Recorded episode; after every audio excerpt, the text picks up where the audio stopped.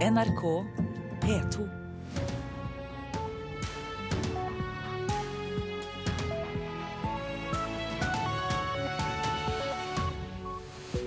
Velkommen til Nyhetsmorgen onsdag 22. oktober. Nå 6.30 er dette hovedsaker. Skoleforskere mener regjeringen risikerer å kaste bort penger til etter- og videreutdanning i skolen. Hvor stor effekten er, er eh, vanskelig å måle, og man vet ganske lite om eh, betydningen av etter- og videreutdanning for lærere. Skoleforsker Joakim Caspersen. Norge mangler en felles standard for drapsetterforskere. Det fører til store forskjeller mellom politidistriktene. Russisk milliardær kjøper seg inn på norsk sokkel. I Storbritannia fikk han nei til å overta gassfelt. Og det nye Munch-museet i Oslo blir et pengesluk, det mener eh, Carl I. Hagen. Her i studio i dag, Øystein Heggen. Skoleforskere mener altså regjeringen risikerer å kaste bort penger på en av sine viktigste satsinger. Først lovet regjeringen å bedre norsk skole, med et historisk løft på etter- og videreutdanning. Men først nå lyser regjeringen ut forskningsmidler for å finne ut om tiltakene har noen effekt. Kunnskapssamfunnet er det som løfter folk i vårt samfunn. Derfor har vi innført et historisk løft for etter- og videreutdanning for lærere i dag. Fordi ingenting betyr mer for elevenes læring i fremtiden. Sa statsminister Erna Solberg da regjeringen nylig feiret seg selv. Skole er utropt til å være en av regjeringens viktigste satsinger, og med Lærerløftet skal gode lærere bli enda bedre. Hvor stor effekten er, er eh, vanskelig å måle, og man vet ganske lite om eh, betydningen av etter- og videreutdanning for lærere. Sier utdanningsforsker ved NIFU Joakim Caspersen. Han mener statsministeren tar feil når hun hevder at ingenting betyr mer for elevenes læring. NRK har vært i kontakt med flere skoleforskere som alle sier det samme. Og Kunnskapsdepartementet selv, de har nettopp utlyst et forskningsprosjekt for å finne ut om kompetansehevingen har effekt. Ja, det er jo å legge hodet litt på blokka, fordi her har man igangsatt en kjempestor eh, reform til eh, milliarder av kroner, eh, for så vidt. Samtidig som man kan risikere at forskningsprosjektet man utlyser, viser at det ikke er noe effekt av det. Men akkurat det er kunnskapsministeren uenig i. Han mener man i mye større grad bør forske på reformer i det offentlige, men innrømmer at man vet for lite. Nei, Vi vet ikke nok, men det vi vet er at læreren er den aller viktigste faktoren for at elevene skal lære mer. Da må vi jobbe med klasseledelse, evaluering, lagbygging på skolen, men også det at lærerne skal ha faglig fordypning i fagene de underviser i. Og Det er regjeringas skoleprosjekt. Ved Åse skole i Ålesund er lærer Wenche Johannessen Larsen i gang med korundervisning. Hun tror det er viktigere med videreutdanning jo eldre elever man har. Eh, på barneskolen så har vi Ja, vi skal innom mange forskjellige fag. Eh, vi skal ha, undervise mye i gruppe. Vi skal tilrettelegge for eh, grunnleggende norsk for elever som har behov for det. Vi skal jobbe med atferdsproblem. Vi har veldig mange andre, andre områder som trenger ressurser fra oss. Reporter her, det var Veronica Westrin. Benjamin Skiaker Myrstad, god morgen til deg. Takk, takk. Du er leder i Elevorganisasjonen, og ja, vi hørte jo her at elevene er jo de viktigste her. Og hva mener da dere? Er det riktig som statsministeren sier at videreutdanning av lærerne er det viktigste for å gi dere utbytte av læring? Ja, det, det, Kunnskapsdepartementet og regjeringen ofte henviser til, er jo forskningen til en, en skoleforsker som heter John Hattie, som har listet opp de rundt 140 viktigste tingene som har en effekt på elevers læring. Og Der er en god lærer en av de viktigste, og det, det skal vi ikke krangle på. Eh, vi, vi vet viktigheten av en faglig oppdatert lærer. Um, det som er interessant, er jo at det har vært en så ensidig satsing på etter- og videreutdanning, og at man har glemt litt at, at samleeffekten av to eller tre av de andre tingene på lista kan fort bli større enn den, samle, enn den effekten en, en, god lærer har. Um, så vi, vi, skulle ønske at man hadde, hadde sett på litt andre prioriteringer i tillegg. Eh, og ikke brukt alle pengene til eh, KD på etter- og videreutdanning av lærere. Da er jeg spent på de andre tingene på lista, altså hvordan finne de rette rette lærerne, hvis vi ikke bare skal gå etter de med best karakterbok? Ikke sant? Eh, det, vi tror er viktig, det er, det er, viktig med tiltak som motiverer og engasjerer elever i, i, sin egen skolehverdag. Hvis du er en umotivert elev og sitter i klasserommet, så er det veldig vanskelig å få med seg ting. Og, og da skal du ha en ekstremt god lærer for å klare å, klare å engasjere deg. Mm. Og, og, der er det mye forskning på dette med egenevaluering og studieteknikk og sånne ting, som har, har, fått et veldig lite fokus, spesielt under denne regjeringen her.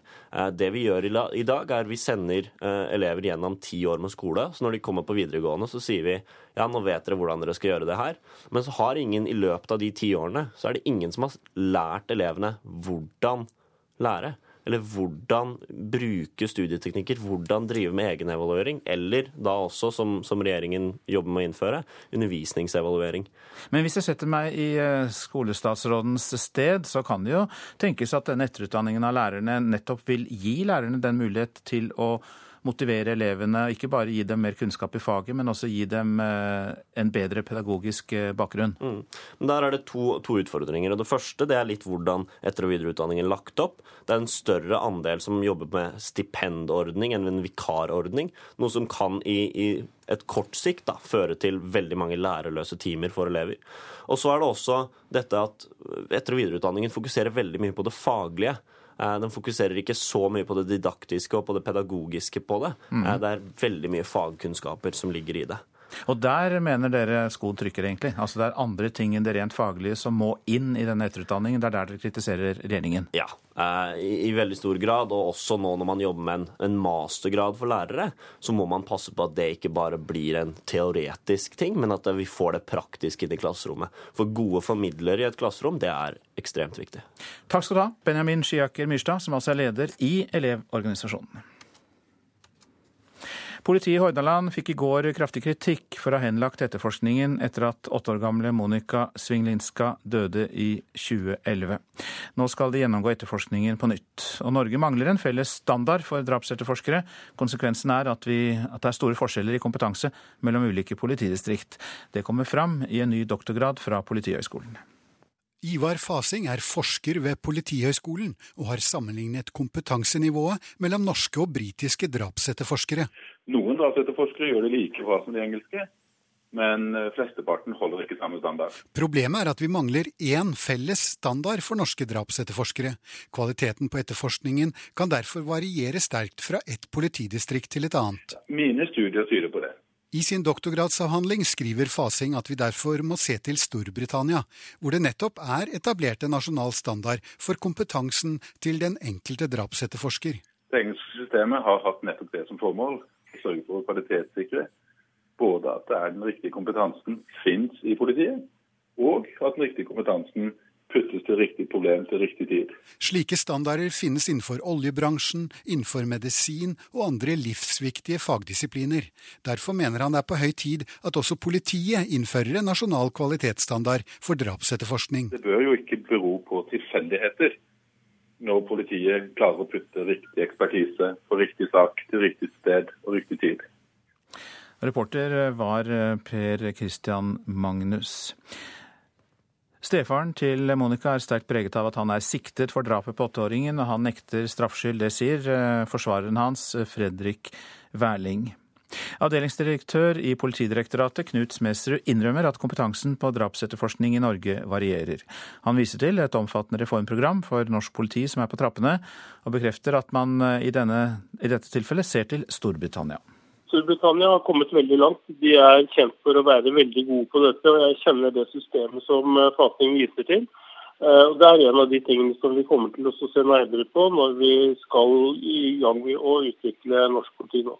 Ja, er det aktuelt å, å, eh, forsøke å kopiere dette systemet?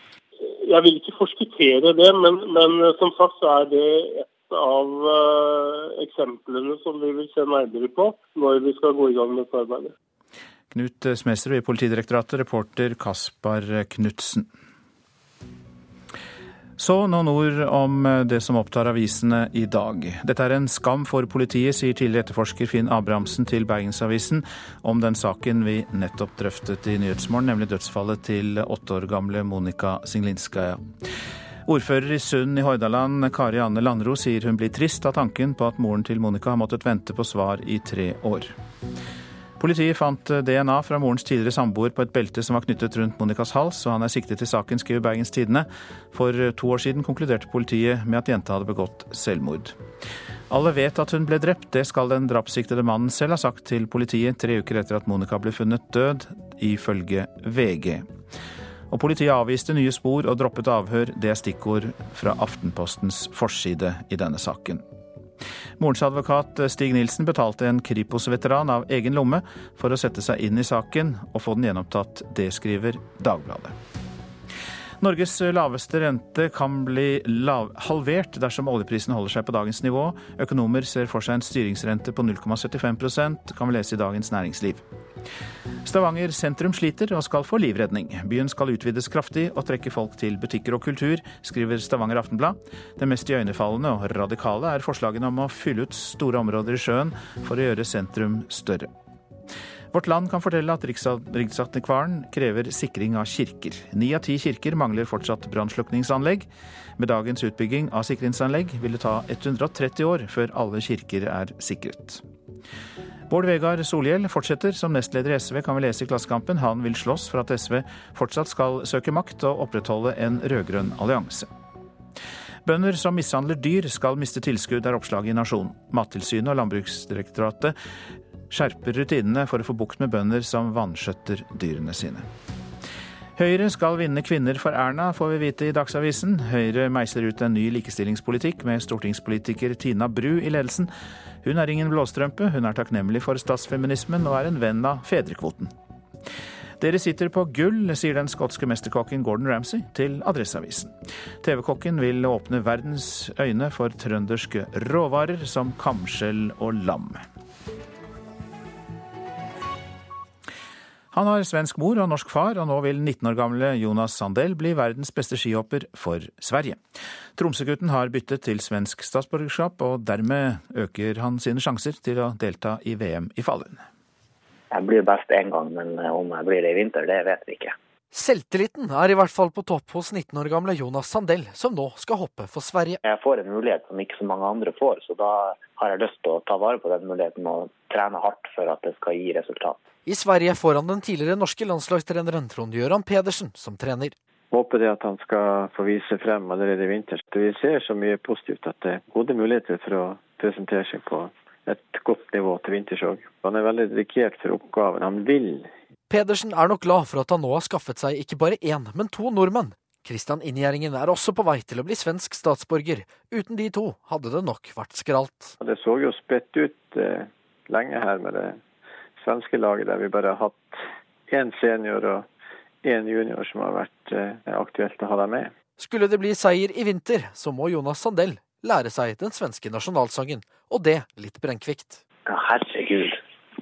Kan, det er jo noe med det der eh, Jeg har sett Zlatan og den der eh, reklame, og så har jeg fått med meg sangen. Men og jeg har aldri syngt, sunget den sangen der heller. Du, du, husker ingen, du, husker ingenting, faktisk? Nei, det er jo du frie, du et eller annet og noe sånne greier med noe greier. Så det, jeg kan ingenting. Ja, det betyr at Jonas Sandel skal øve på den svenske nasjonalsangen. Reporter Patrick Steen Rolands. Minst én av leveransene med våpen og annet militært utstyr som ble sluppet fra amerikanske fly til kurdiske styrker i Kobani, havnet trolig i hendene til den islamske staten IS. Det melder nyhetsbyrået Reuters. En video lastet opp på internett av IS viser maskerte menn som går fram til kasser og knyttet til en fallskjerm. Mennene tar ut håndgranater og våpen fra kassene. USAs forsvarsdepartement erkjenner at en av de 27 pakningene som ble sluppet, er kommet på avveie. I 2008 rammet finanskrisen Europa og Norge. Det førte til store nedskjæringer i industrien over hele landet. Nå ser det ut til at en ny krise kan lamme landet vårt igjen. Oljeindustrien kutter allerede i stillinger, og nå er man redd for at det samme vil kunne skje innenfor industrien i f.eks. Hedmark og Oppland. Inntil nylig så gikk det jo veldig bra. Og da hadde vi håpa at det skulle gjøre videre òg, men nå er det litt mer nervøsitet, ja. Bjørn Sigurd Svingen er avdelingsleder for Fellesforbundets avdeling Raufoss jern og Metal. Han representerer fagforeningene fra de ulike industribedriftene i næringsklynga NCE Raufoss, som til sammen har om lag 5000 ansatte. Felles for bedriftene er at de hovedsakelig driver med eksportretta produksjon, hvor markedet kan svinge raskt. Og svingen har fremdeles finanskrisa i 2008 friskt i minne. Den merker vi jo ganske kjapt ved at det ble eh, stor nervøsitet og rett og slett reduksjon i bemanninga. Da var det nok en 500 arbeidsplasser som ble eh, borte ganske brått. Sakte, men sikkert tok ordrene seg opp igjen, og antallet ansatte er på omtrent samme nivå som før finanskrisa. Men både ansatte og tillitsvalgte er nå nervøse pga. den økonomiske situasjonen i Europa. Etter krisa klarte Tyskland å holde industriproduksjonen sin i gang ved å øke eksporten til bl.a. Kina, Brasil og Russland. Men førsteamanuensis i samfunnsøkonomi ved NTNU, Rune Skarstein, sier Tyskland har fått problemer med å få solgt varene sine i løpet av dette året. Nå er det økonomisk stagnasjon i Brasil og Kina også. Og I tillegg kommer også krisa i Ukraina, eh, der særlig bilindustrien merker det. For de har eksportert masse biler til eh, Russland, men Russland har også problem med å importere biler nå. Sånn at det, totalt sett nå så, så ser vi at, at det er en stagnasjon i tysk økonomi, og samtidig en stagnasjon i Kina, da vi får føle dette i norsk økonomi. Det strammes allerede inn i den norske oljeindustrien pga. synkende oljepris. Men også annen industri vil kunne merke nedgangen, sier leder for NHO Innlandet, Kristel Kvam. Det første som slår meg, er jo at dette vil påvirke eh, kanskje mest av alt eh, eksportindustrien i Innlandet, og særlig da Eh, billeveransene våre, altså bildelproduksjonen på Raufoss, er jo da særlig utsatt, særlig når det tyske markedet begynner å svikte. Men Kvam legger til at all eksportindustri i Norge vil kunne merke nedgangen i Tyskland hvis den blir langvarig. Imens følger de tillitsvalgte i Raufoss Jern og Metall situasjonen nøye. Det er eh, klart at vi rår ikke over dette her med ordresituasjonen i den grad. Så det vi er opptatt av da, det er jo Eh, rammevilkårene vi har, og hvilken beredskap vi har for å møte eventuelt en ny krise. Men da vet vi heller ikke om dette er en ny krise, eller om det er på at det bare er etterdønninger. Ta den forrige. Men eh, ja, det er ikke bra når det er en nedgang i Tyskland. En bekymring der fra Bjørn Sigurd Svingen, avdelingsleder i Raufoss Jern og reporter Monica Rikold. Den russiske oligarken Michael Friedmann har sikret seg kontroll over en rekke lisenser på norsk sokkel. I Storbritannia får han ikke lov til å overta gassfelt. De mener Vestens sanksjoner mot Friedmann ekskluderer ham fra britisk sokkel. Reporter Halvard Norum, så hvorfor får Friedmann kontroll over lisenser på norsk sokkel? Det er fordi at eh, han i mars i år, eh, gjennom et investeringsselskap, eh, så kjøpte han det tyske selskapet RVE DA. Og Det selskapet har vært på norsk sokkel i mange år. og Gjennom det oppkjøpet så får han da kontroll over sju operatørskap på norsk sokkel og 33 lisenser. Og det, mm, nå er det sånn at Ny eier på norsk sokkel det krever også ny godkjenning i Norge. Eh, men i juni i år så godkjente Olje- og energidepartementet at Fridman Friedmann kommer inn som eier på norsk sokkel. Ja, Men så er det da slik at britene ikke ønsker ham på britisk sokkel. Så si litt mer om det. Altså, eh, Dette er jo en del av hans eh, og partnernes eh, forsøk på å si, eh, starte et stort internasjonalt energi- og altså olje- og gasselskap. disse er jo, Han har jo en tysk partner, bl.a. Dette er folk som tilhører da Russlands aller rikeste menn. De har mye penger, de vil investere, og de vil da ut i Vesten. Og de har brukt masse vestlige rådgivere osv. Eh, men britene mener da at dette her er eh, såpass betent politisk, ikke minst pga. Eh, konflikten i Ukraina. Og de bruker da Vestens sanksjoner og sanksjonslister. Nå står ikke Friedmann på den offisielle sanksjonslisten, men man bruker allikevel sanksjoner til å si at du, i hvert fall foreløpig, får ikke lov til å komme inn på britisk sokkel. Og hvem er da Michael Friedmann, kan du si litt mer om ham? Altså, Han er jo en av Russlands aller rikeste menn. Han eh, hjalp bl.a. Boris Jeltsin til eh, valgseier i sin tid. Eh, han kontrollerer sammen med noen av, eh, av partnerne det som heter for Alfa-gruppen. Eh, og Det husker kanskje mange fra striden de hadde med Telenor i forbindelse med det russiske mobilselskapet VimpelCom. Han det de nå gjør, er å forsøke å ta inntektene altså De skiller på en måte fra altså Alfagruppen skal ikke ut i verden. på en måte. De har nå tatt mye av, av pengebingen sin og satt i et stort investeringsselskap som heter Letter One, som de nå forsøker å da nå ut i verden med. Mange takk skal du ha for denne orienteringen, Halvard Norum. Dette er Nyhetsmorgen, og klokka den er ganske straks 6.50. Dette er hovedsaker. Skoleforskere advarer mot regjeringens storsatsing, mener Erna Solberg tar feil når hun sier at etter- og videreutdanning er det viktigste for elevenes læring, altså etter- og videreutdanning av lærere. Norge mangler en felles standard for drapsetterforskere. Det er derfor store forskjeller mellom ulike politidistrikt, viser doktorgrad fra Politihøgskolen. Og som vi nettopp hørte, norske myndigheter har godtatt at den russiske oligarken Michael Friedmann går inn på norsk sokkel i Storbritannia, for han ikke lov til å overta gassfelt. Den legendariske tidligere Washington Post-redaktøren Ben Bradley er død, 93 år gammel. Bradley døde av naturlige årsaker i sitt hjem, melder Washington Post. Bradley var redaktør i avisa fra 1968 til 1991 og ble en av de viktigste figurene i Washington. Under hans ledelse doblet avisen opplaget og vant 23 Pulitzer-priser. Bradley ble berømt da han ledet avisens dekning av Watergate-skandalen på tidlig 1970-tall, med journalistene Bob Woodward og Carl Bernsteins som de mest kjente skribentene.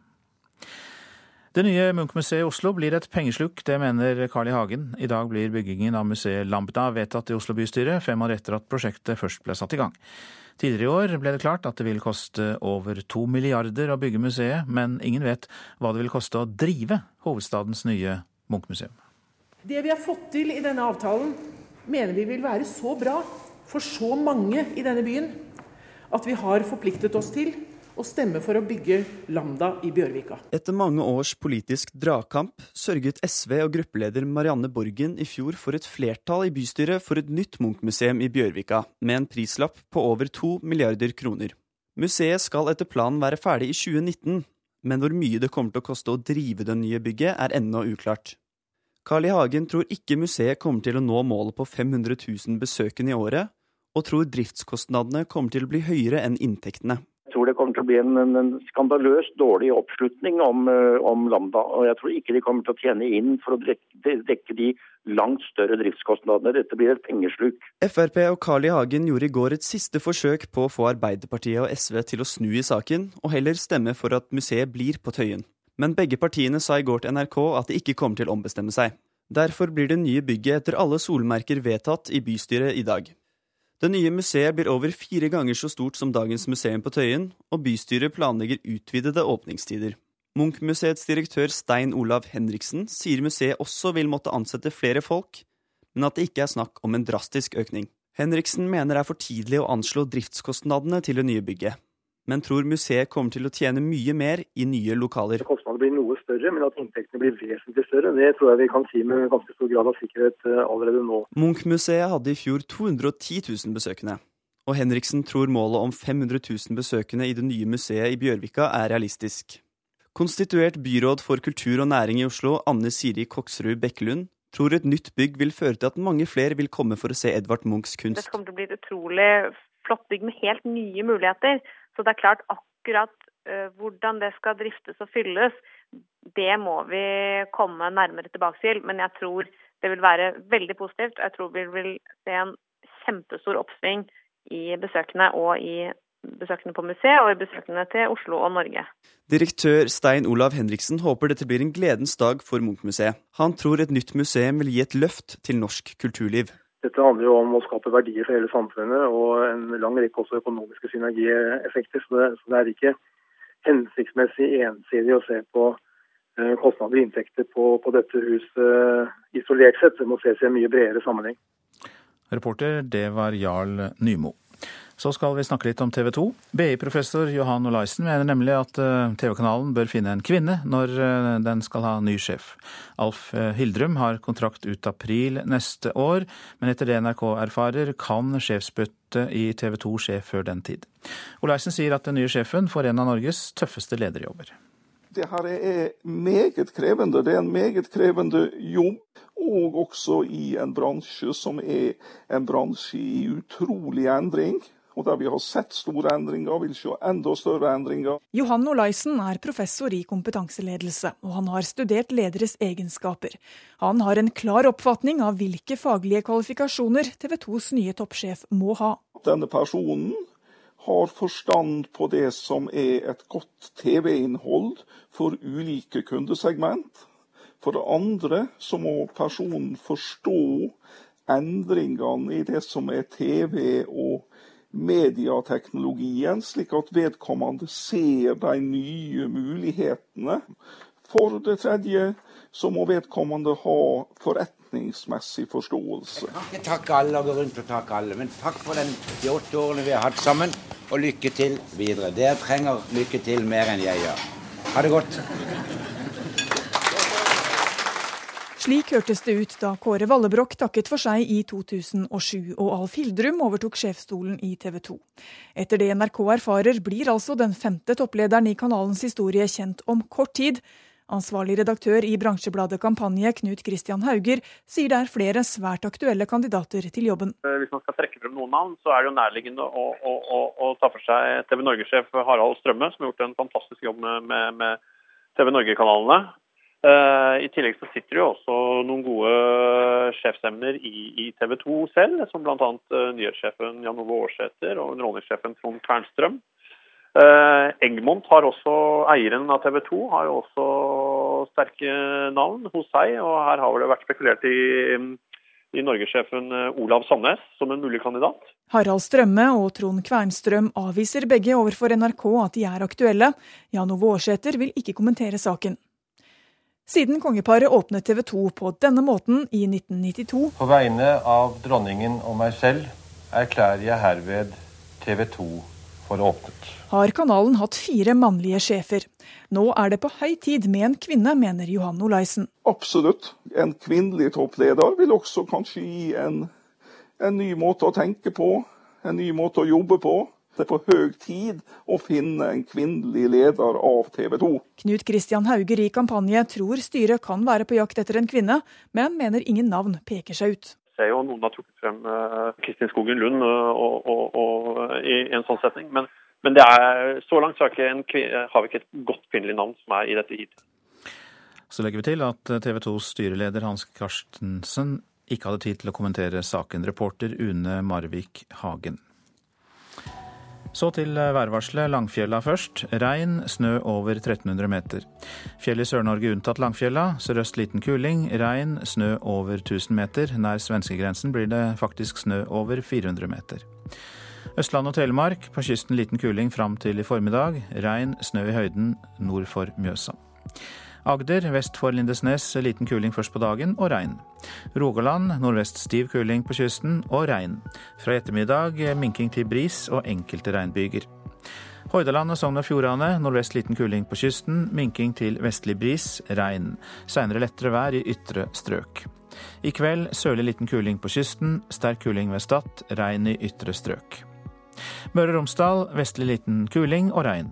Fra ettermiddag sørvest eh, frisk bris på kysten. Det blir enkelte regnbyger fra i ettermiddag. Trøndelag sørøst sterk kuling. Fra ettermiddag sørvest frisk bris i sør, ellers sørøst stiv kuling. Spredt eh, regn, snø over 800 meter. I grensetrakten i Trøndelag snø over 400 meter. Helgeland, Saltfjellet, Salten og Lofoten. Sørøst liten storm. I kveld minkende vind i sør. Det blir litt regn eller sludd. Ofoten og Vesterålen sørøst stiv kuling, fra ettermiddag sørlig sterk kuling. Det blir skyet vær, fra seint i ettermiddag litt regn. Troms sørlig stiv kuling, i Nord-Troms blir det liten storm, og det blir oppholdsvær. Finnmark det blir sørlig liten storm og oppholdsvær. Nordensjøland på Spitsbergen sørøst liten kuling, fra ettermiddag sterk kuling i vest.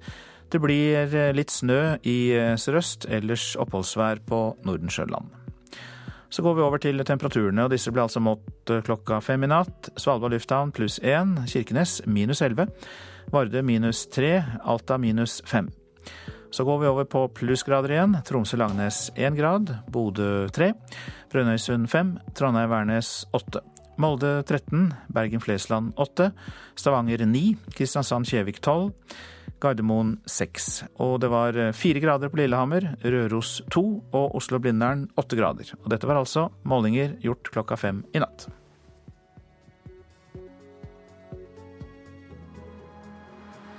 NRK P2.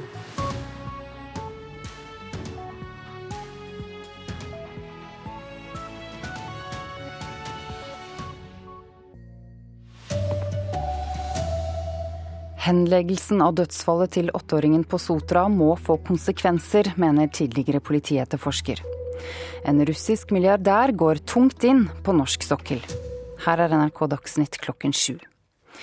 Henleggelsen av dødsfallet til åtte år gamle Monika Sviglinskaja må få konsekvenser for tjenestemenn i politiet. Det mener tidligere politietterforsker Finn Abrahamsen.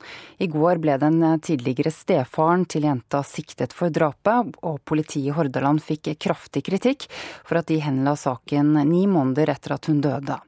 Nå skal politiet gå igjennom etterforskningen på nytt. Det er bare fordi moren ikke ga seg, sier Abrahamsen. Det er jo de som har tatt de feile beslutningene uten på en måte å høre på andre. De bør jo selvfølgelig ta dette inn over seg. Her er det altså ting som jeg mener absolutt burde få konsekvenser. Nettopp fordi at eh, hvis ikke man gjør dette, her, skal man heller ikke lære av dette. I dag framstilles en 32 år gammel litauisk mann for varetektsfengsling, siktet for drapet på den åtte år gamle jenta som han en kort tid var stefar for. Jentas mor aksepterte aldri at datteren kunne ha tatt sitt eget liv. Takket være moren og, og denne private etterforskeren, som har altså ført til at dette har eh, kommet så godt ut som til slutt har endt opp i. Reporter Per Christian Magnus. Den russiske oligarken Mikael Friedmann har sikret seg kontroll over en rekke lisenser på norsk sokkel. I Storbritannia får han ikke lov å overta gassfelt pga. Vestens sanksjoner mot Russland. I Norge har han likevel fått lov, forteller reporter Halvard Norum. Det er fordi at eh, han i mars i år, eh, gjennom et investeringsselskap, eh, så kjøpte han det tyske selskapet RWE DA. Og Det selskapet har vært på norsk sokkel i mange år. og Gjennom det oppkjøpet så får han da kontroll over sju operatørskap på norsk sokkel og 33 lisenser. og det, Nå er det sånn at Ny eier på norsk sokkel det krever også ny godkjenning i Norge. Men i juni i år så godkjente Olje- og energidepartementet at Friedmann kommer inn som eier på norsk sokkel. Men britene mener da at dette her er såpass betent politisk, ikke minst pga. konflikten i Ukraina Ukraina. Og de bruker da Vesten sanksjons, eh, sanksjoner og sanksjonslister. Nå står ikke Friedmann på den offisielle sanksjonslisten, men man bruker allikevel sanksjoner til å si at eh, du, i hvert fall foreløpig, får ikke lov til å komme inn på britisk sokkel. Sa reporter Halvard Norum. En eh, kvinne har omkommet og fire andre er brakt til sykehus etter at eh, trær blåste ned i kraft, et kraftig uvær i Storbritannia. Det er etterdønningene av uværet Gonzalo som traff de vestlige områdene av Skottland, melder eh, BBC. NRK Dagsnytt, Ida Creed. Du lytter til Nyhetsmorgen. Her skal vi høre om disse sakene. Minoritetsbarn er mer utsatt for vold enn andre barn, erfarer barnehuset i Oslo. Kripos er også bekymret. Kjendispolitikerne kan bli vinnerne dersom velgerne får mulighet til å stemme på enkeltpersoner ved stortingsvalg. Og K-en kommer tilbake i RLE-faget. Vi skal også høre om et oppgjør mellom eh, røvere og politi i Stavanger fengsel. Foreldre med minoritetsbakgrunn etterforskes stadig oftere for grov vold mot sine egne barn, ifølge Kripos. Sju av ti barn som har blitt avhørt på barnehuset i Oslo så langt i år, har bakgrunn fra et annet land enn Norge. Dette er jo et rom hvor man helt typisk vil avhøre de minste barna. Hver dag forteller barn nye historier om harde knyttnever og mishandling i eget hjem. De sakene som kommer inn her, er jo ikke saker hvor det handler om at man har fått et klaps, eller hvor det har skjedd en sjelden gang. Dette er jo saker hvor barn systematisk over tid har vært utsatt for vold, både psykisk og fysisk vold. Sier daglig leder ved barnehuset i Oslo, Astrid Johanne Pettersen. Så langt i år har 350 barn fra seks ulike politidistrikt blitt avhørt om vold i nære relasjoner her. I 72% av tilfellene kom foreldrene fra et annet land enn Norge. Det er jo et veldig høyt tall som vi er veldig bekymret for. Eh, det er jo en overhyppighet. Og vi tenker at det er viktig at eh, man ser på dette. Du har hele Kitty. Ansatte ved Kripos og barnehuset forbereder avhør av en søskenflokk. Og hun er sånn rosa jente. Så derfor har jeg tatt med meg denne hjemmefra. Nær familie er mistenkt for å stå bak vold og overgrep mot barna. Jeg tror ikke det blir noen språklige utfordringer eller Nei, utenom hun som jeg skal Barna snakke med Barna har minoritetsbakgrunn, og politioverbetjent i Kripos, Tone Davik, ser stadig oftere at barna som blir mishandla, har det. Det er en klar eh, tendens som vi ser i saker som blir anmeldt til politiet, og hvor vi gjennomfører dommeravhør, eh, at eh, andelen av barn som kommer fra en annen kultur, blir flere og flere, ja. Forskning viser at mellom 12 og 17% av barn med foreldre født utenfor Norge har opplevd grov vold, som å bli slått med knyttneve eller en gjenstand. 4% av barn med etnisk norsk mor sier det samme. Pettersen ved Statens barnehus i Oslo sier mer forskning må til for å finne et godt svar på hvorfor det er sånn. En del av eh, familiene som kommer inn her, er familier med krigstraumer. Og med mange egne erfaringer hvor de voksne har vært utsatt for eh, psykisk og fysisk vold selv. Også ikke minst gjennom krigshandlinger. Det handler om fattigdom, og det handler om eh, fysisk sykdom. Altså at man har eh, en eller annen form for eh, sykdom. hjerte eller hva det kan være. Det kan handle også om selvfølgelig en annen bakgrunn som gjør at man har en annen forståelse av hvordan man skal oppdra barn. At man ikke helt har fått med seg hva som er rammene for oppdragelse av barn i Norge. Reportere her Kristine Svendsen og Anne Marte Moland. Professor Svein Mossige, god morgen til deg. Du er eh, ved Psykologisk institutt Universitetet i Oslo og har undersøkt vold mot minoritetsbarn. Så hvordan stemmer det Kripos og barnehuset forteller her ut ifra dine funn? Det vi har funnet, er at eh, det å være fra et annet land enn Norge, det kan både være Europa, men også den tredje verden, representerer en risikofaktor i forhold til om barn i sånne familier blir utsatt for eh, vold i familien. Og, og barn fra den tredje verden har nok en enda høyere sannsynlighet eller risiko for å bli utsatt for, for vold enn en andre barn. Men det gjelder også altså for barn utenom Norden. da. Her ble det konkret vist til krigstraumer og fattigdom. Er det andre ting som kan virke inn, slik at foreldrene behandler barna dårlig? Eh, Ja, eh, en del er nok knyttet til kultur i noen land. Altså at eh, det er knyttet til eh, at man ser på det å bruke vold som et oppdragelsesmiddel. Og at det i større grad enn i Norge er eh, akseptert i en del land. Og så er det nok det at en del av disse familiene som kommer til Norge, der kan foreldrene ha en eh, frykt for at barna skal på en måte nærme seg vestlige verdier på ulike måter, og at de da føler seg opprådd for hjelpemidler og kan ty til vold i oppdragelsen av den grunn. Og Da blir det en mer skal vi si, impulsiv form for vold, kanskje ikke den mer overveide volden som på en måte foregår i forbindelse med oppdragelse på bakgrunn av kultur. Mm. Hvordan kan samfunnet bidra til å hindre at det skjer?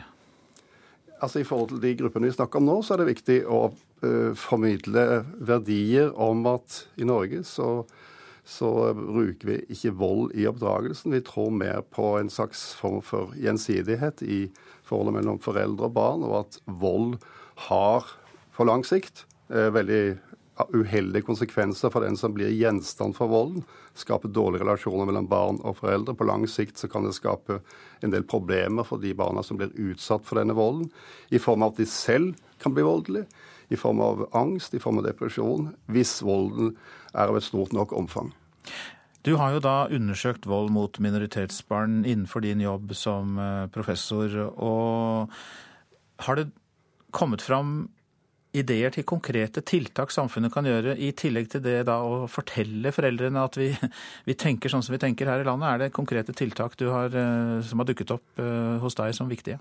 Altså Det er jo ikke dukket opp eller utviklet veldig konkrete tiltak for å skal vi si, redusere eller gjøre en slutt på volden. Eh, man har på en måte lent seg mot barnevernet, og at barnevernet skal avdekke tilfeller av vold. Og det gjør de jo til en viss grad, men eh, på langt nær all den volden som de burde ha avdekket, blir avdekket. Og i tilfeller hvor barnevernet avdekker vold, så skjer det også det at de ikke får medhold f.eks. fra fylkesnemnda i å gripe inn mot de foreldrene som, som utøver volden, fordi bevisene, og da snakker man om bevis i rettslig forstand, ikke holder i fylkesnemnda. Det virker som samfunnet ennå ikke har tatt dette alvorlig nok? Ja, jeg tror nok det. Eh, det tar lang tid å på en måte erkjenne at vold er et alvorlig problem. Eh, I Sverige har, vi, har de gjennomført med jevne mellomrom omfangsstudier av, altså av omfanget av vold. Og de ser at over tid så, så, så, så, er den volden som finner sted i familien, gått ned. Og det er antagelig på, som en følge iallfall av det at man i Sverige, og i likhet med Norge, har en lov som forbyr at foreldre er voldelige mot, mot sine barn. Men vi trenger å gjennomføre tilsvarende undersøkelser i Norge for å se om det faktisk er sånn at volden går ned, eller om den øker. Vi har vel en grunn til å tro at den kanskje går ned, men det vet vi ikke, for vi mangler tallene. Men vi skal i gang med en undersøkelse nå som kanskje kan fortelle oss litt mer om det. Takk skal du ha for at du kom hit til Nyhetsmorgen, professor Svein Mossige ved Universitetet i eh, Oslo. Opptil en fjerdedel av representantene på Stortinget ville ikke blitt valgt inn dersom velgerne fikk bestemme mer ved stortingsvalg. Det viser en beregning Institutt for samfunnsforskning har gjort for Kommunaldepartementet. Mange har ivret for at personstemmer bør få mer å si ved stortingsvalg, men Folk på gata, da, de er delt i synet på dette. Det høres jo fornuftig ut, syns jeg. At man kan kutte ut det man ikke liker, for å si det sånn. Nei, jeg syns det er greit sånn som vi har det.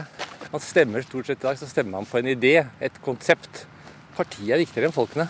Politikere som Fabian Stang og Eskil Pedersen ville sust rett inn på Stortinget ved siste valg, dersom vi hadde hatt et system der personstemmene hadde mer å si. Samtidig ville et slikt system gjøre det vanskelig for ukjente politikere å bli valgt inn, sier forsker Johannes Berg ved Institutt for samfunnsforskning. Ja, Det er jo folk som har en høy profil, særlig, som eh, vil eh, komme godt ut av det. Altså Politikere som er kjent, som har en profil eh, i media, de får også mange personstemmer. Han sier Norge i dag skiller seg ut i Norden ved at velgerne ikke har en reell mulighet til å endre rekkefølgen på kandidatene ved stortingsvalg. Dagens norske system krever nemlig at mer enn halvparten av velgerne må gjøre den samme endringen. Man har en ordning hvor det ser ut som om velgerne kan påvirke sammensetningen av Stortinget, men så kan de ikke det i realiteten. Så velgerne inviteres til å gi personpreferanser, men så har ikke de noen effekt på sammensetningen av Stortinget. Kommunalminister Jan Tore Sanner har som stortingsrepresentant tidligere foreslått en ny valgordning der personstemmer teller mer, men regjeringen har ennå ikke tatt stilling til spørsmålet. Hvis vi får et system som ligner kommunevalgordningen, der velgerne kan gi mange personstemmer hver, frykter professor Ottar Hellevik at små grupper av velgere kan avgjøre hvem som blir valgt inn på Stortinget. Han ønsker seg i så fall at de som er enig med partienes rangering, får bedre mulighet til å gi uttrykk for det. For sånn som det er i dag, så har du da den uheldige situasjonen at ved kommunevalg f.eks. at en del velgere tror at når de leverer en ren, altså urettet liste, så støtter de partiets rangering. Men det er ikke tilfellet. Så hvis en ønsker å styrke velgernes innflytelse, så bør en også tenke på de velgerne som er fornøyd med partiets rangering. Og det er gjerne ganske mange. Så får vi se da, om det blir noe av. Og dette innslaget var laget av Tom Ingebrigtsen. Og nå er kommunalminister Jan Tore Sanner kommet i studio. Velkommen til deg. Takk skal du ha. Du foreslår selv, som vi hørte her, at personstemmer skal bety mer ved stortingsvalg, og har bedt om en utredning nå. Da håper du vel gjerne at de eh, lander på samme konklusjon som deg? Det er riktig at eh, Erna Solberg eh, og jeg fremmet et forslag om dette i Stortinget allerede i 2010. Mm. Eh, og i 2012 så var det et enstemmig storting som ba regjeringen om å utrede dette spørsmålet. Og I dag skal jeg motta rapporten, og det, det gleder jeg meg veldig, veldig til. Dette er jo et prinsipielt spørsmål, nemlig om man mener at velgerne bør ha større innflytelse på hvem som sitter på Stortinget. Og jeg mener at det er flere grunner som, tiltaler, som, som begrunner det. Ja, men så har vi jo denne frykten vi hørte fra forskerne her om at uh, det jeg vil kalle kjendispolitikere alltid klarer å sikre seg et bein, mens de som kanskje er nye og lovende, men ikke så kjent, ikke når opp. Jeg har nok noe større tillit til, til, til velgerne. Jeg mener at uh, velgerne foretar uh, solide uh, vurderinger når man går til, går, går til, valg. Og også i dag så vet vi jo at partiene er opptatt av å nominere personer og politikere som, har, som er godt, godt, kjent. Men det som jeg mener taler for en, en slik ordning, det er jo at det kan føre til økt interesse for, for stortingsvalgene. Det vil styrke båndene mellom de folkevalgte og eh, velgerne. Og vi vet også at det betyr noe hvem som sitter på, på Stortinget. Erfaringene fra Sverige de er gode, og de viser at det er ikke veldig mange som blir valgt inn i Riksdagen pga. personvalg, men det er, er noen. Dette er en, en ytterligere styrking av et velfungerende demokrati. Ja, det var dette med kjendiser eller ikke. Men så har vi også dette som vi har lang tradisjon for i Norge. Balansen mellom distrikter, balansen mellom kjønn. Den kan jo da kanskje også forrykkes eh, hvis det blir eh, for mye velgerinnflytelse på hvem som skal komme inn på Stortinget. Det må være en god balanse mellom eh, partienes innflytelse og velgernes innflytelse på, på, hvem som skal representere partiene. Vi har lang tradisjon i Norge for at eh, partiene har stor innflytelse og makt, og slik vil det fortsatt eh, være. Den ordningen de har i Sverige, det var i utgangspunktet at en kandidat måtte ha minst åtte 8% personstemmer av de, de, som totalt stemmer på, på, listen. Det er ganske mye. Eh, de har nå senket det til, til 5 eh, og mener at det skaper en god balanse mellom partienes innflytelse og velgernes innflytelse. Nå får vi debatten, eh, og jeg tar sikte på å, å legge frem en sak som kan komme ut til bred høring, og så at vi melder tilbake igjen i Stortinget. Og hvis Stortinget er enig, så vil nye, nye regler kunne komme på plass allerede ved stortingsvalget i 2017. En innvending til på tampen, Sanner. Er ikke dette et resultat av mediene og samfunnets økte personfokus, at man da skyver politikken til side og personene frem? Det er stor oppmerksomhet eh, om, om, person. Eh, og jeg mener at eh, det er helt greit. Fordi at vi er personer som representerer partiet. Person betyr også mye i, i, i politikken. Men min tillit til å tro på velgerne, den er, den er, veldig stor. Og jeg vet gjennom mange års erfaring at det velgerne spør om, det er hva står du for? Hva har du gjennomført? Kan vi ha tillit til, til deg som, som politiker? Og derfor så tror jeg at litt fritt personvalg ved eh, stortingsvalg, det vil bidra til å styrke et allerede velfungerende demokrati.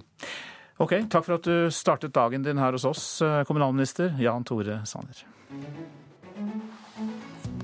Du lytter til Nyhetsmorgen, og der er klokka 7.17. Vi har disse hovedsakene. Minoritetsbarn er mer utsatt for vold enn andre barn, erfarer barnehuset i Oslo. Kripos er også bekymret. Norske myndigheter har godtatt at den russiske oligarken Mikael Friedmann går inn på norsk sokkel. Storbritannia gir han ikke lov til å overta gassfelt.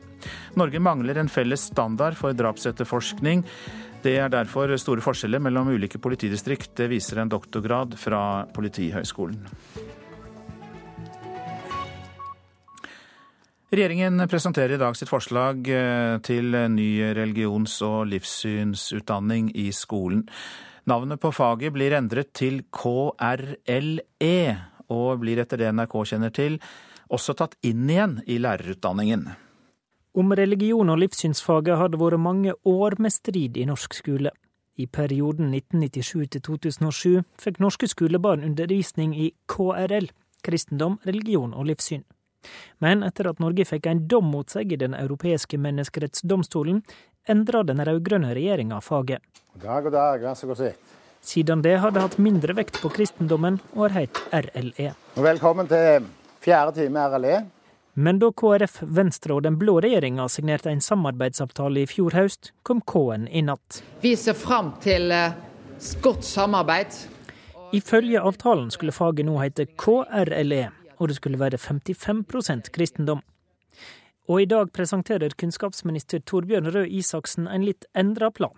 Han gjør ikke akkurat det som sto i avtalen i fjor høst. Formuleringa om 55% kristendom blir tatt bort, men det vil etter det NRK kjenner til stå i læreplanen at om lag halvparten av undervisningstida skal gå til kristendomskunnskap. Så har KrF og regjeringa blitt samde om at KRLE-faget skal inn i grunnskolelærerutdanningene. Lærerstudentene sitt fag pedagogikk og elevkunnskap skal få et KRLE-kurs som gir 15 studiepoeng, altså et halvt semester med fokus på dette. Forslaget om det nye faget skal ut på høring, men KrF og regjeringa er samlet om de viktigste punktene. Venstre er langt mindre begeistra, men vil ventelig stemme for fordi de gikk med på formuleringene om faget i samarbeidsavtalen. Og det sa reporter Håvard Grønli. Den pakistanske 17-åringen og nobelprisvinneren Malala Yousefzai får en ny pris. Hun har også mottatt den amerikanske frihetsmedaljen Liberty Medal. Og Det er en pris som vanligvis blir tildelt tidligere amerikanske presidenter som George Bush den eldre og Bill Clinton, og tidligere nobelprisvinnere som Kofi Annan, Shimon Peres og Nelson Mandela. And it is my tremendous honor to award you the 2014 Liberty Medal.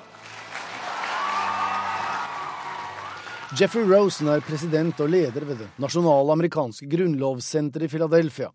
En symboltung institusjon som ivaretar USAs grunnleggende verdier. Og frihetsmedaljen som det er snakk om, er en fysisk gullmedalje som henges rundt halsen på mottakeren, på Malala i år som på Hillary Clinton i fjor. Begrunnelsen var Malalas mot og utholdenhet, og fordi hun er en kraftfull stemme for dem som nektes grunnleggende menneskerettigheter og friheter. Den unge Malala Yousafzai er blitt en rutinert prismottaker, og hun benyttet også i natt anledningen til å tale unge jenters sak. Ikke minst de som i utgangspunktet lever normale liv, for så å bli rammet av krig og konflikt, som i Syria. Who were in schools, getting quality education, and then suddenly they started living in camps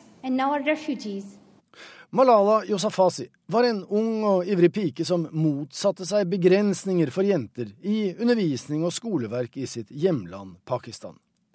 Barnerøsten ble åpenbart så farlig for pakistansk Taliban at de forsøkte å drepe henne.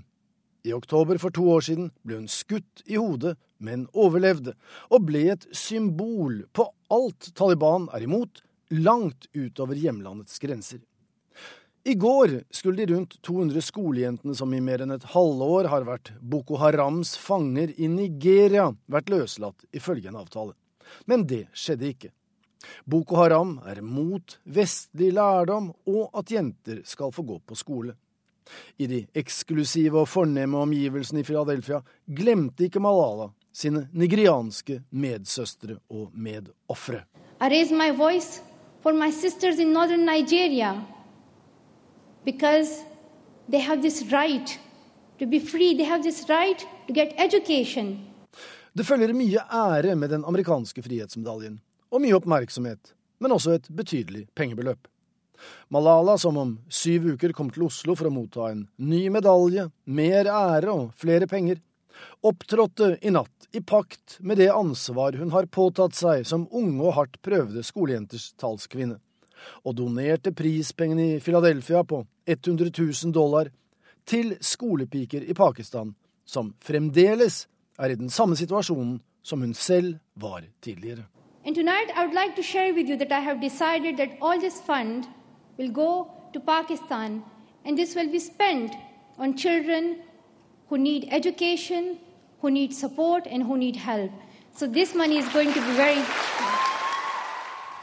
og reporter her, det var Joar Hoel Larsen.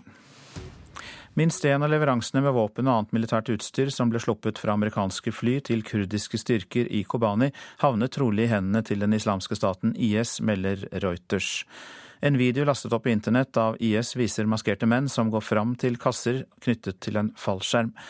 USAs forsvarsdepartement erkjenner at en av de 27 store pakningene som ble sluppet, er kommet på avveie.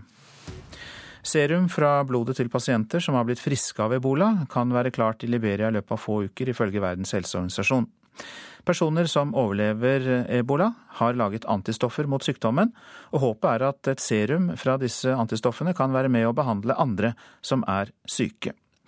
WHO sier at de kan være klare med dette i januar 2015, melder BBC. Så til norske aviser. Dette er en skam for politiet, sier tidligere etterforsker Finn Abrahamsen til Bergensavisen om henleggelsen av dødsfallet til åtte år gamle Monica Sing Singlingskaja i 2011. Ordføreren i Sund i Hordaland, Kari Anne Landro, sier hun blir trist av tanken på at moren til Monica har måttet vente på svar i tre år.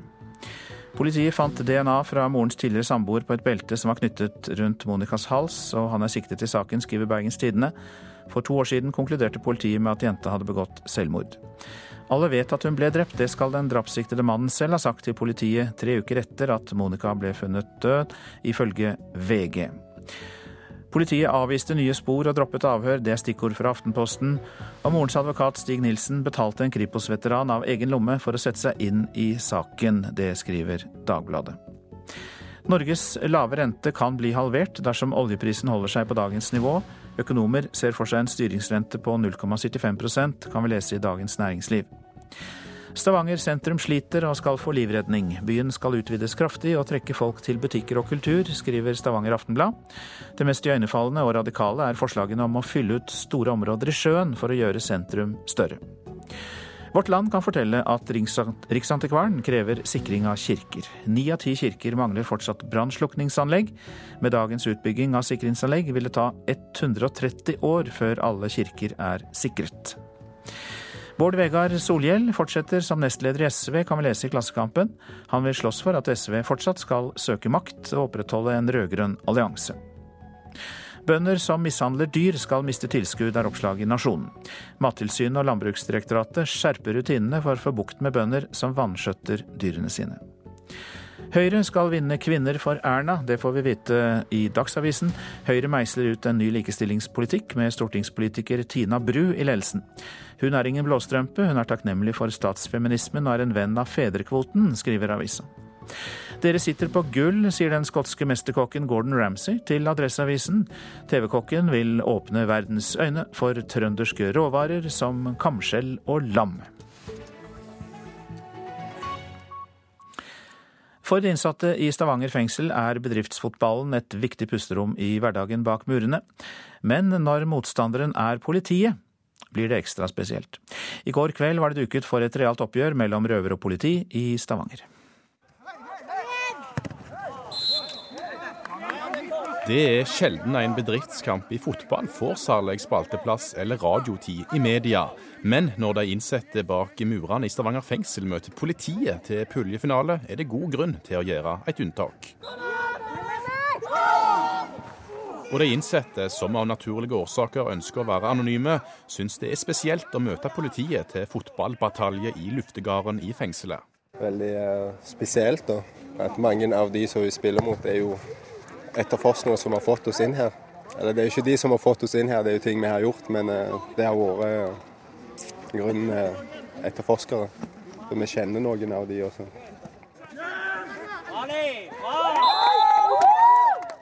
Vi har lyst til å vise dem at vi er gode og spiller i fotball. Så det betyr veldig mye for oss å spille mot politiet og vise at vi, er, vi, har, vi funker i samfunnet eller, eller i fengsel. Også politiet, representert ved Espen Lea, syns det er spesielt at det er fengselsinnsatte som er på motsatt banehalvdel i puljefinalen for andredivisjon i bedriftsserien i Rogaland. Ja, det er jo klart det er litt mer spenning, og tenningsnivået er hakket hvassere enn hva det vanligvis pleier å være. Men eh, ja, det er flott tiltak for de innsatte, og det er veldig flott for oss å få møte dem i en annen setting òg, så det er en kjekk opplevelse. Var dere på noe tidspunkt i tvil om dere skulle spille denne kampen? Nei, det var vi aldri. Bedriftsidrettskretsen gjorde det nok lurt i å hente en erfaren dommer til toppkampen bak murene. Dommer Tor Enge har sjøl aldri dømt røver mot politi før. Jeg har jo tenkt på dette i mange dager. Og for meg så er det jo viktig å prøve å holde det nede på jorda. Altså, vi må, jeg må dømme det som skjer på banen akkurat der og da, og så må jeg gi klare melding.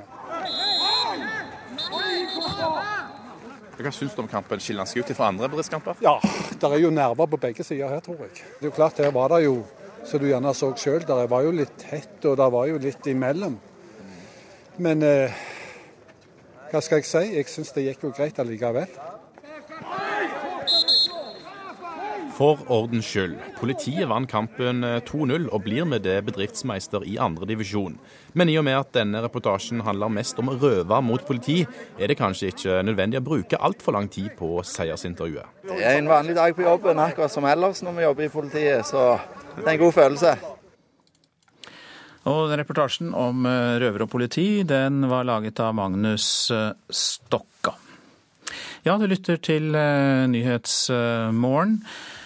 Og produsent for dagens sending, det er Ingvild Ryssdal. Her i studio, Øystein Heggen. Kremnologi, eller kremlologien, forsvant med Sovjetunions fall, men bare nesten. Det er fortsatt aktuelt å bruke dette begrepet på studier av verdens mest lukkede land, Nord-Korea. Mer i reportasjen etter Dagsnytt. Etter- og videreutdanning for lærere i Skole-Norge, virker det eller ikke? Det er tema for debatten i Politisk kvarter. Torbjørn Røe Isaksen, Marianne Aasen og Anders Tyvand er politikere som møtes til debatt der. Og det blir også omtale av det nye religionsfaget i skolen i Politisk kvarter.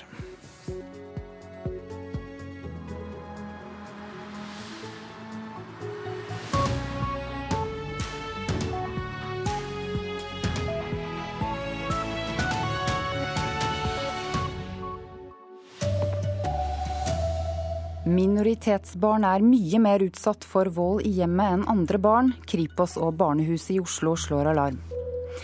Regjeringen risikerer å kaste bort penger på etterutdanning av lærere, sier skoleforskere.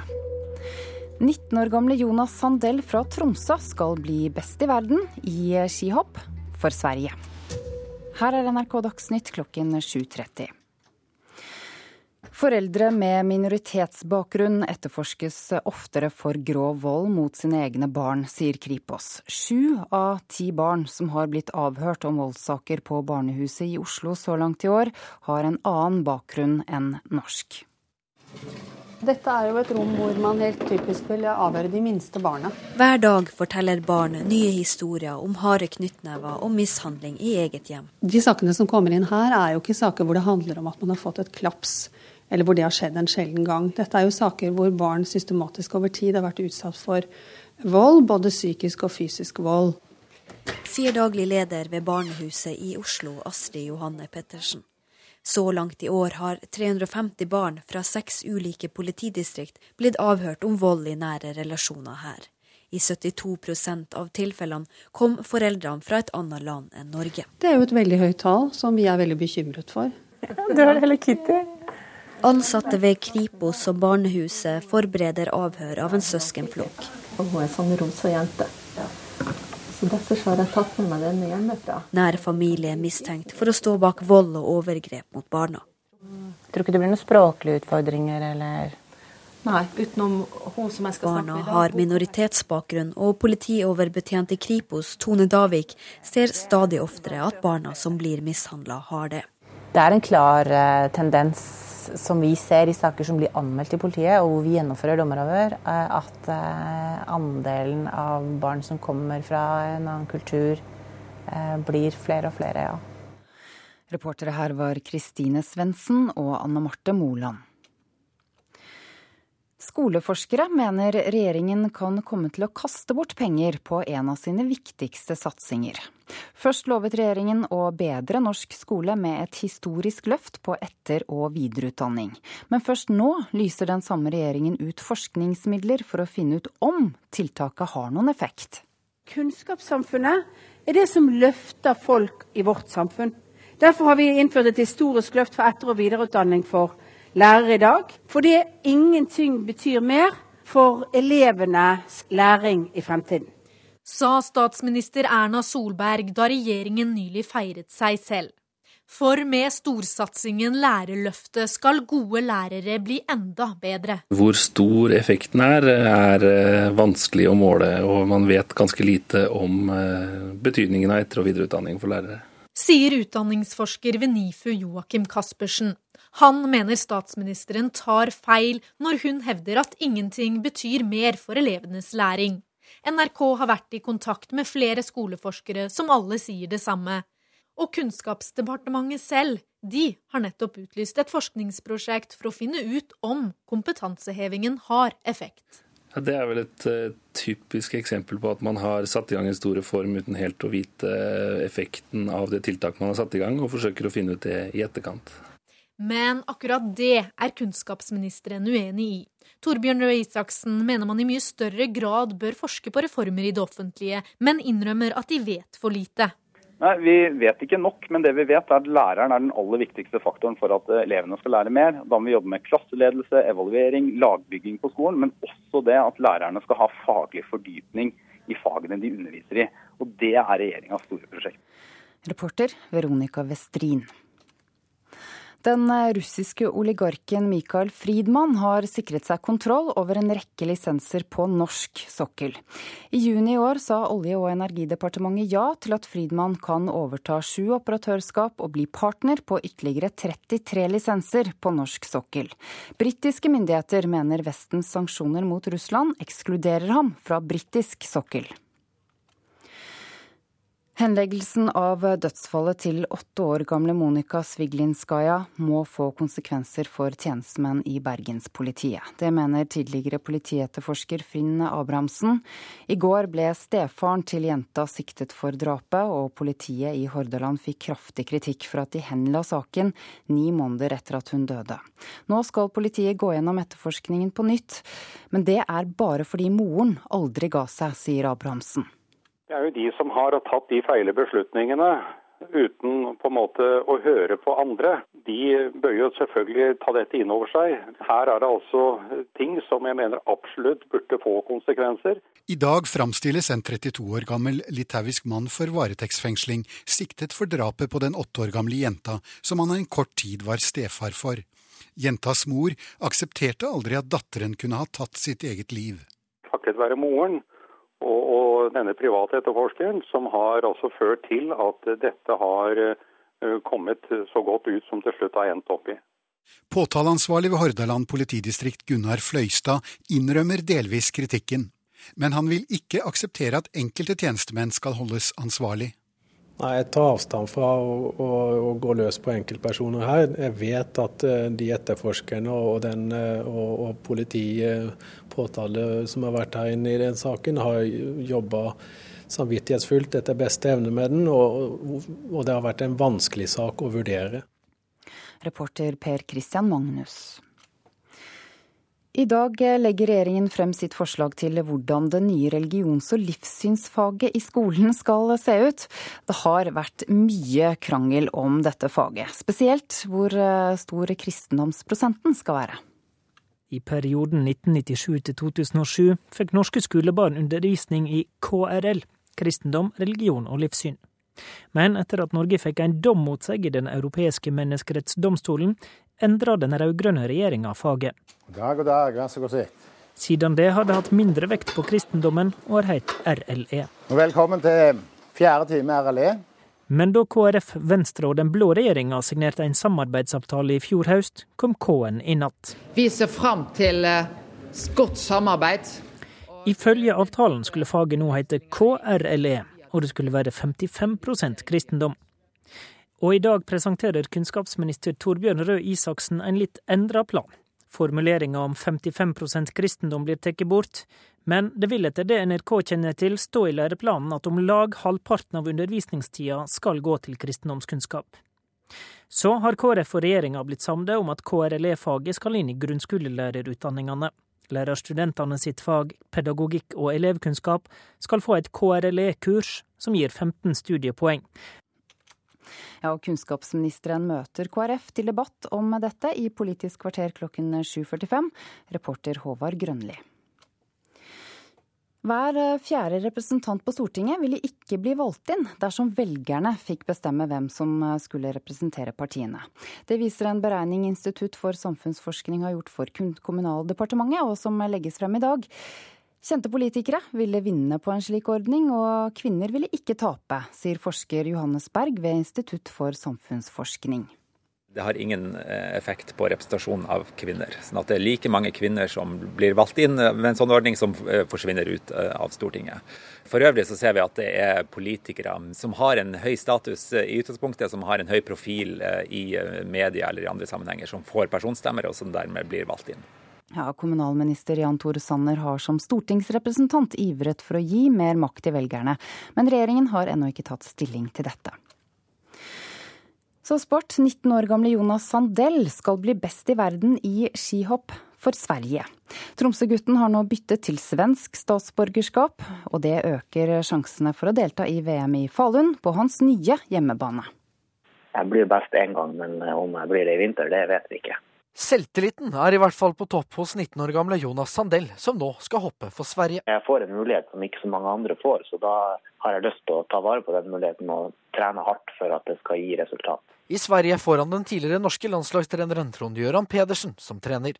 Håper det at han skal få vise frem allerede i vinter. Vi ser så mye positivt at det er gode muligheter for å presentere seg på et godt nivå til vinters òg. Han er veldig dedikert for oppgaven. Han vil Pedersen er nok glad for at han nå har skaffet seg ikke bare én, men to nordmenn. Kristian Inngjerdingen er også på vei til å bli svensk statsborger. Uten de to hadde det nok vært skralt. Det så jo spett ut eh, lenge her med det svenske laget, der vi bare har hatt én senior og én junior som har vært eh, aktuelt å ha dem med. Reporter Patrick Sten Rolands. Ansvarlig for eh, sendingen er eh, Sven Gullvåg, teknisk ansvarlig Hanne Lunas. I studio nå Ida Creed.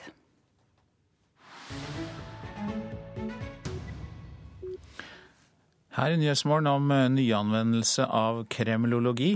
Ja, kremlologi var jo en høyt skattet vitenskap under den kalde krigen, men døde ikke helt ut med Berlinmurens fall. Den videreføres, denne gjetteleken, for Nord-Korea.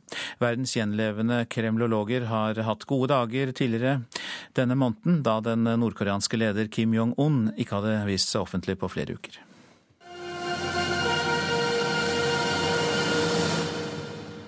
Det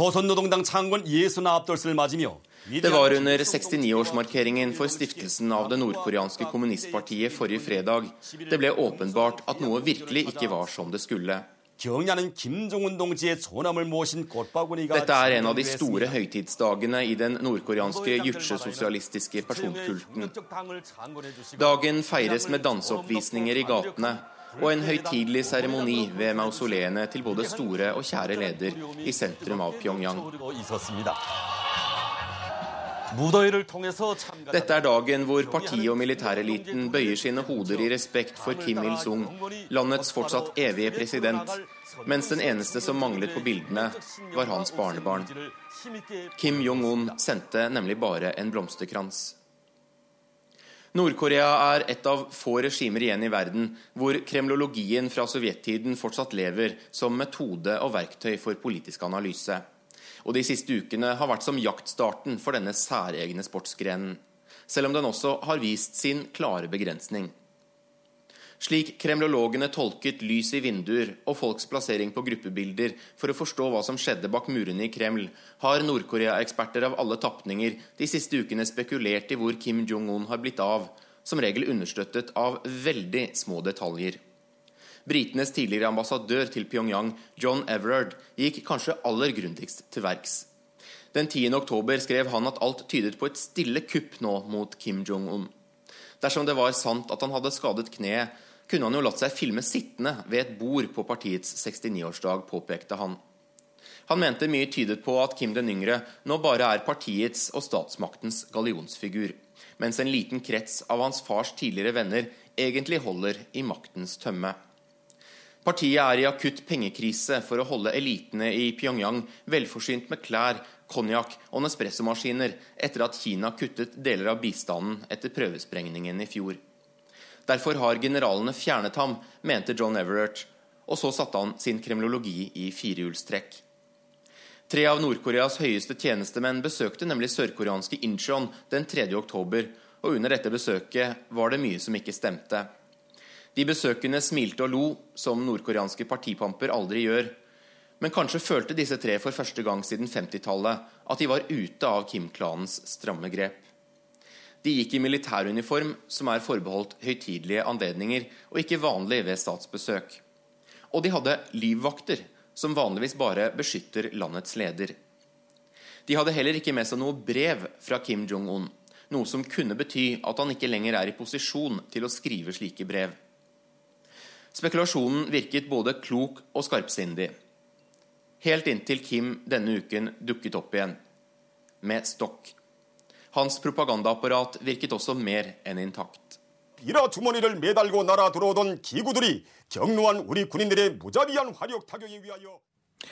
Og det var Asia-korrespondent Peter Svaar som hadde laget denne reportasjen. Dette er hovedsakene i Nyhetsmorgen. Minoritetsbarn er mye mer utsatt for vold i hjemmet enn andre barn. Kripos og barnehuset i Oslo slår alarm. Regjeringen risikerer å kaste bort penger på etterutdanning av lærere, sier skoleforskere. Henleggelsen av dødsfallet til åtte år gamle Monika Sviglinskaja må få konsekvenser for tjenestemenn i Bergenspolitiet, mener tidligere politietterforsker Finn Abrahamsen. Den russiske oligarken Mikael Friedmann har sikret seg kontroll over en rekke lisenser på norsk sokkel. Men i Storbritannia blir Friedmann nektet å kjøpe andeler på sokkelen. Vi minner om nettstedet radio.nrk.no, der du kan lytte til alle NRKs radiokanaler og laste ned programmer. Om få sekunder er det Politisk kvarter, og programleder der i dag er Veronica Westrin.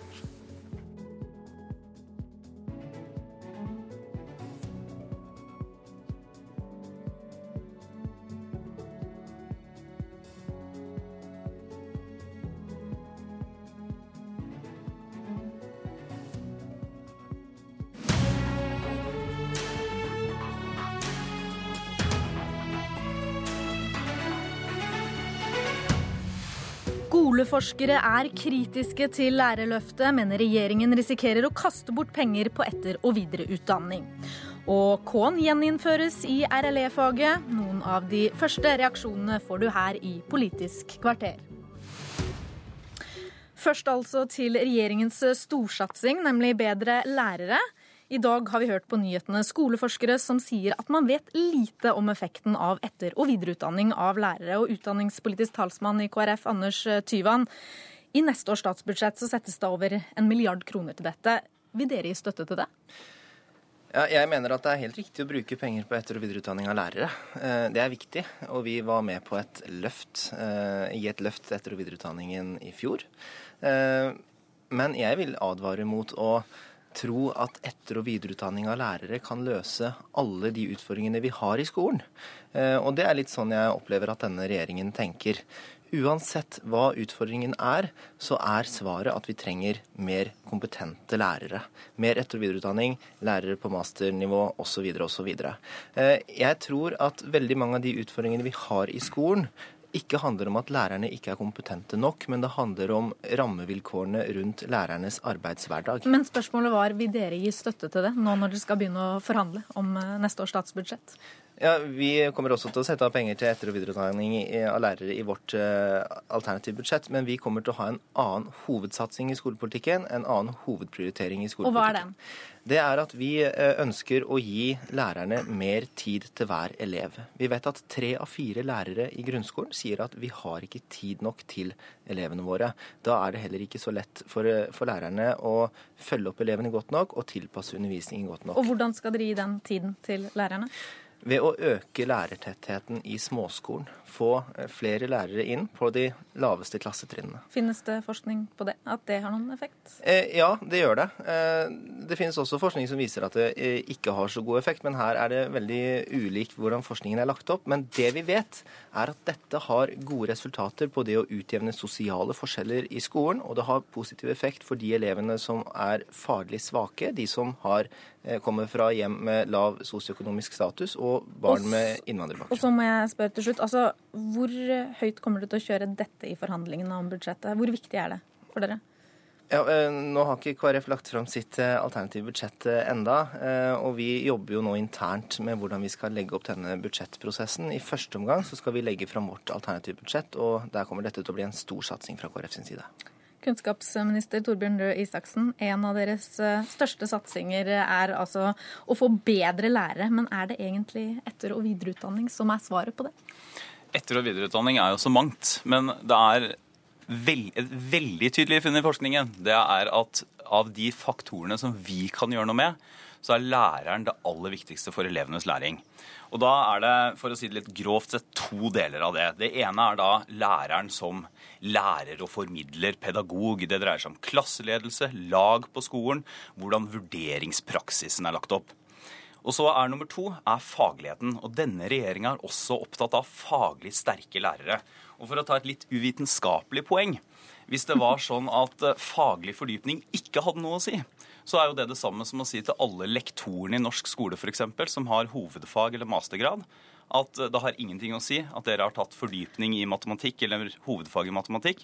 Dere kunne like godt bare hatt videregående Men nå hører vi forskere si at man vet ikke om etter- og videreutdanning på 30 studiepoeng, da, som dere ønsker å, gjeninnføre, eller vi, å innføre, er, er Ja, svaret. og Det er, det er litt, litt upresist, mener jeg. Det er godt dokumentert at det er en effekt av fordypning, faglig fordypning, og elevenes læring. Men den kommer kom kanskje litt langt ned Nei, på lista. særlig i matematikk. Men så er det helt riktig at hvis du bare har faglig fordypning, altså for å sette det litt på spissen Hvis du er en lærer som har masse vekttall i matematikk, men er en kjempedårlig pedagog, så lærer ikke elevene mer av det. Så du er nødt til å jobbe både med klasseledelse, vurderingspraksis, bygge lag i skolen, sterke faglige fellesskap og den faglige fordypningen. Og Grunnen til at vi har satset på faglig fordypning nå, er for det første fordi at vi ser at f.eks. én av fem matematikklærere ikke har fordypning i faget de jobber med. Og fordi at dette er en av de tingene som vi mener forrige regjering ikke satset på, mens vi har store satsinger på f.eks. klasseledelse. Syvan? Ja, eh, jeg mener også at faglig fordypning er viktig og kan bety noe. Men jeg tror ikke at det er svaret på alle utfordringer. Og det som er hverdagen for veldig mange lærere i grunnskolen i dag, det er at de står alene i klasserommet, har ansvaret for 25 eh, og disse elevene er veldig forskjellige. Noen av de har spesielle læringsutfordringer og trenger at læreren har litt ekstra tid til dem.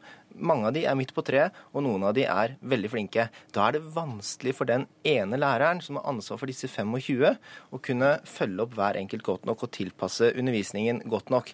Og da mener jeg, da blir det feil å hele tiden si at svaret er vi trenger mer kompetente lærere. Det den læreren tenker Jeg tror ikke han står i klasserommet og tenker å, hadde jeg bare hatt en mastergrad.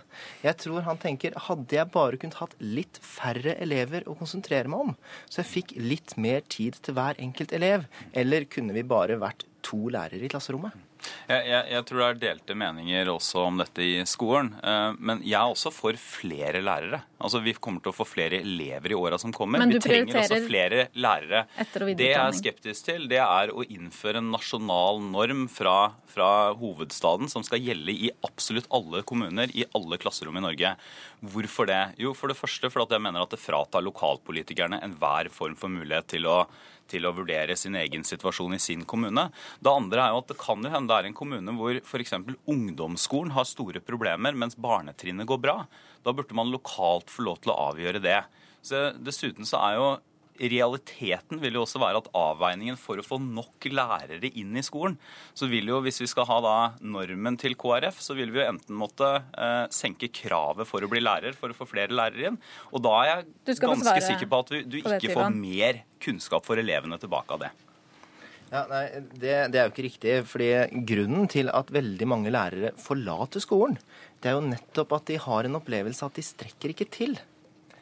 Altså, de har, de, de, de har for mange arbeidsoppgaver, de har for mange elever, og de føler at vi har ikke tid nok til hver enkelt elev. Og, og det er også undersøkelser som viser, for vi har jo en stor reservestyrke av lærere i samfunnet som er i andre yrkesgrupper i dag, Eh, og det de sier er at for at vi skal tilbake til skolen, så må vi få mer tid til hver enkelt elev. Da skal vi også det høre de sier med er primært at de arbeider- ønsker at de vil at høyere lønn kunne motivert dem for å komme tilbake. Arbeiderpartiet her, Marianne Aasen, du sitter i utdanningskomiteen for Arbeiderpartiet. Men uh, mener du den satsingen vi ser nå på etter- og videreutdanning, er den som skal til for å løfte norsk skole, eller vil du ha en norm, slik Tyvand eh, snakker om? Ja, hovedproblemet til regjeringen eh, og Røe Isaksen er at de har satsa for mye på ett kort.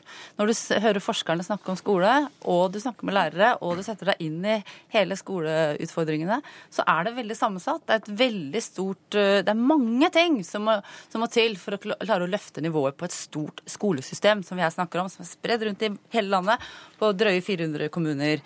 Det, det er enklere å lage en valgkampanje som Erna Solberg og de lykkes med, hvor du sier du er forelska i læreren, å kritisere med å si at vi skal gi dere etter- og videreutdanning.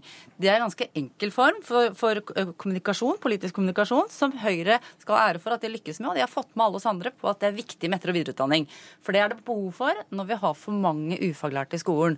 Men samtidig så er det riktig det Tyvand sier, som viser at du må gjøre mange ting samtidig. Og vi må høre på lærerne når de sier nå etter konflikten i våre, nå i høst at eh, de sliter med for lite tid med elevene. De sliter med for mye byråkrati. De opplever at hverdagen deres er preget av av det som ikke handler om bedre skole, bedre læring. Vi vet at mobbing er et stort problem. Det vet vi også er dokumentert at påvirker elevenes læring. Vi vet at foreldrekontakt er svært viktig. Eh, og så kan vi ramse opp og bruke lang tid på det. Hovedproblemet til Røe Isaksen er at han satser alle penga på ett kort, og det ser vi i budsjettet. Men, men, uh, og det er over én milliard eh, kroner. Ja, det er, er det en litt sånn enkel løsning? Det er, en, det er en tredobling, men jeg har to ting å si. Det første er at vi satser på veldig mange andre ting også. For at forutsetningen for at f.eks. For faglig påfyll skal virke. Det er viktig for at elevene, foreldrene skal vite også at når de sender barna til skolen, så møter de en lærer som har fordypning i faget de skal undervise i. Vi mener at faglighet har noe å si. Men det alene er jo ikke nok. Vi må også ha uh, god klasseledelse. Vi må ha god vurderingspraksis. Vi må bygge lag på skolen. Vi må ha rektorutdanning, ledelse i skolen. Alle de tingene jobber vi med, og vi bruker hundrevis av millioner av kroner på det. Og det skal vi fortsette med å gjøre. Og så er det punkt to. Det er jo også sånn at eh, samtidig som vi skal eh, bygge, eh, bygge faglig enda sterkere lærere, så er vi nødt til å jobbe også med sosiale eh, problemstillinger i skolen. F.eks. mobbepolitikken, som viser seg at den ikke fungerer. Vi er nødt til å fjerne tidstyver i skolen. Men hvordan 2000, skal du gjøre det? Nei, 1. November, eller I slutten av eh, året i år så får vi en rapport med konkrete tidstyver.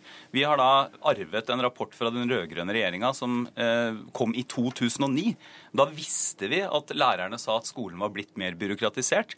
Den har blitt mer og mer byråkratisert i årene som har gått. Vi har nå tatt tak i det og jobber konkret med det. Ja, Men det dere har presentert i det, de to budsjettene dere har lagt fram, da, det er etter- og videreutdanning av lærere. Og jeg skjønner jo da at forskerne sier at når det er det hovedgrepet dere gjør, som dere også kommuniserer hele tiden, og, øh, så, så, er det jo det som er utfordringa. fordi at alt det andre er litt sånn prat som du sier nå. Det er rapporter, det er tiltakslister. Det er ikke, men, det er ikke ja, men Hvis du leser i budsjettet, så er, når du leser om etter- og videreutdanning, vel og bra, og vi kommer antakeligvis til å være med på mye av det, selv om det er tidlig å si. Men så er det ikke så veldig mye mer. Ja. Men, så sier du bare, bare, at det er det, det på, på, den forrige regjeringen har gjort. Men, men, dette er jo ikke riktig. Altså for det første så gikk Arbeiderpartiet ut i valget i år og sa at vi måtte over en milliard og opp i over en milliard til etter- og videreutdanning i skolen. Det har vi nå levert på Arbeiderpartiets valgkampløfte. Men de har ikke argumentert mot det. nei, altså, men så er det punkt to. Det er jo ikke riktig at vi ikke bruker penger på andre ting. Jeg sier at Det er avgjørende viktig. Vi bruker penger f.eks. på rektorskolen. Vi bruker penger på klasseledelse og skoleledelse sikta inn mot ungdomstrinnet. Vi bruker også penger på forsterka undervisning, ja, altså flere lærere på, på barnetrinnet. Det er også viktig. Problemet er at uh, regjeringen ikke tar tak i den aller største utfordringen. Uh, og det er at lærerne i småskolen ikke har tid nok til hver enkelt elev. Og Resultatet av det er at det er altfor mange elever som faller av lasset i løpet av første og andre klasse.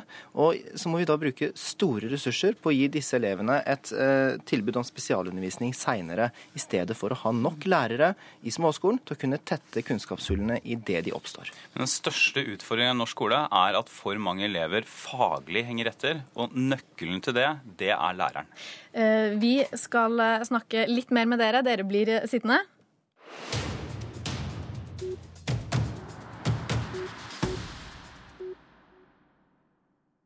Vi må også innom en annen sak i dag. For det har til tider storma rundt religionsfag i grunnskolen. Nå har det vært roens dag en stund, men i dag så legger du fram et nytt forslag til endringer, kunnskapsminister Torbjørn Røe Isaksen. Hva innebærer det? Nei, vi ble jo enige om de fire samarbeidspartiene, Venstre, Kristelig Folkeparti, Høyre og Fremskrittspartiet at eh, vi skulle eh, legge fram forslag til et KRLE-fag. Eh, og grunnen til at vi mener det er fornuftig og rimelig med et fag som har litt mer fokus på kristendommen i dag, er at det å forstå den kristne kulturarven, det er en viktig del av det å forstå Norge. I samarbeidsavtalen så sto det at uh, kristendom skulle utgjøre 55% Vil det gjøre det? Eh, nå kommer vi med alle disse detaljene klokka ti. Så det jeg kan si noe om nå, er hvorfor vi mener dette er riktig. Og det er ikke fordi vi skal ha et forkynnende fag. Det er helt uaktuelt. Vi skal ikke ha et klart skille mellom forkynnelse og undervisning. Men det å ha kunnskap om hvem vi er, norsk historie, Eh, norsk eh, litteratur er eh, dels uforståelig store deler av den hvis ikke man også har kunnskap om kristendommens historie. Så det mener vi at man kan ha litt større rom for enn i dag. Og Grunnen til at det ble endra i 2007, var at det brøyt med menneskerettighetene. Er du trygg på at de endringene dere legger fram i dag, ja, ikke vil gjøre det? Er, vi er, har hatt veldig grundige vurderinger, og det er selvfølgelig en forutsetning for oss at det vi legger fram, også skal stå seg i møte med menneskerettighetene. Vil dette faget inngå som en obligatorisk del av lærerutdanninga? Alle de alle de detaljene vil man få klokka ti. Jeg må vel si gratulerer til deg, da, Anders Tyvand, for å få gjeninnført denne K-en, i hvert fall som vi hører skal. NRK erfarer også i dag tidlig at, at dette faget vil inngå som en slags del av lærerutdanninga og eh, ja, at det endres til å hete KRLE, som dere skrev i samarbeidsavklaringa. Ja, nå skal jo statsråden ha en pressekonferanse klokka ti, og der kommer alle detaljer til å bli presentert. Men vi har hatt en god dialog eh, med eh, Røe Isaksen og departementet i etterkant av avtalen i Nydalen. Og jeg opplever at de intensjonene som lå til grunn for den avtalen, er veldig godt oppfylt. Da takker vi for i dag. Hør flere podkaster på nrk.no podkast.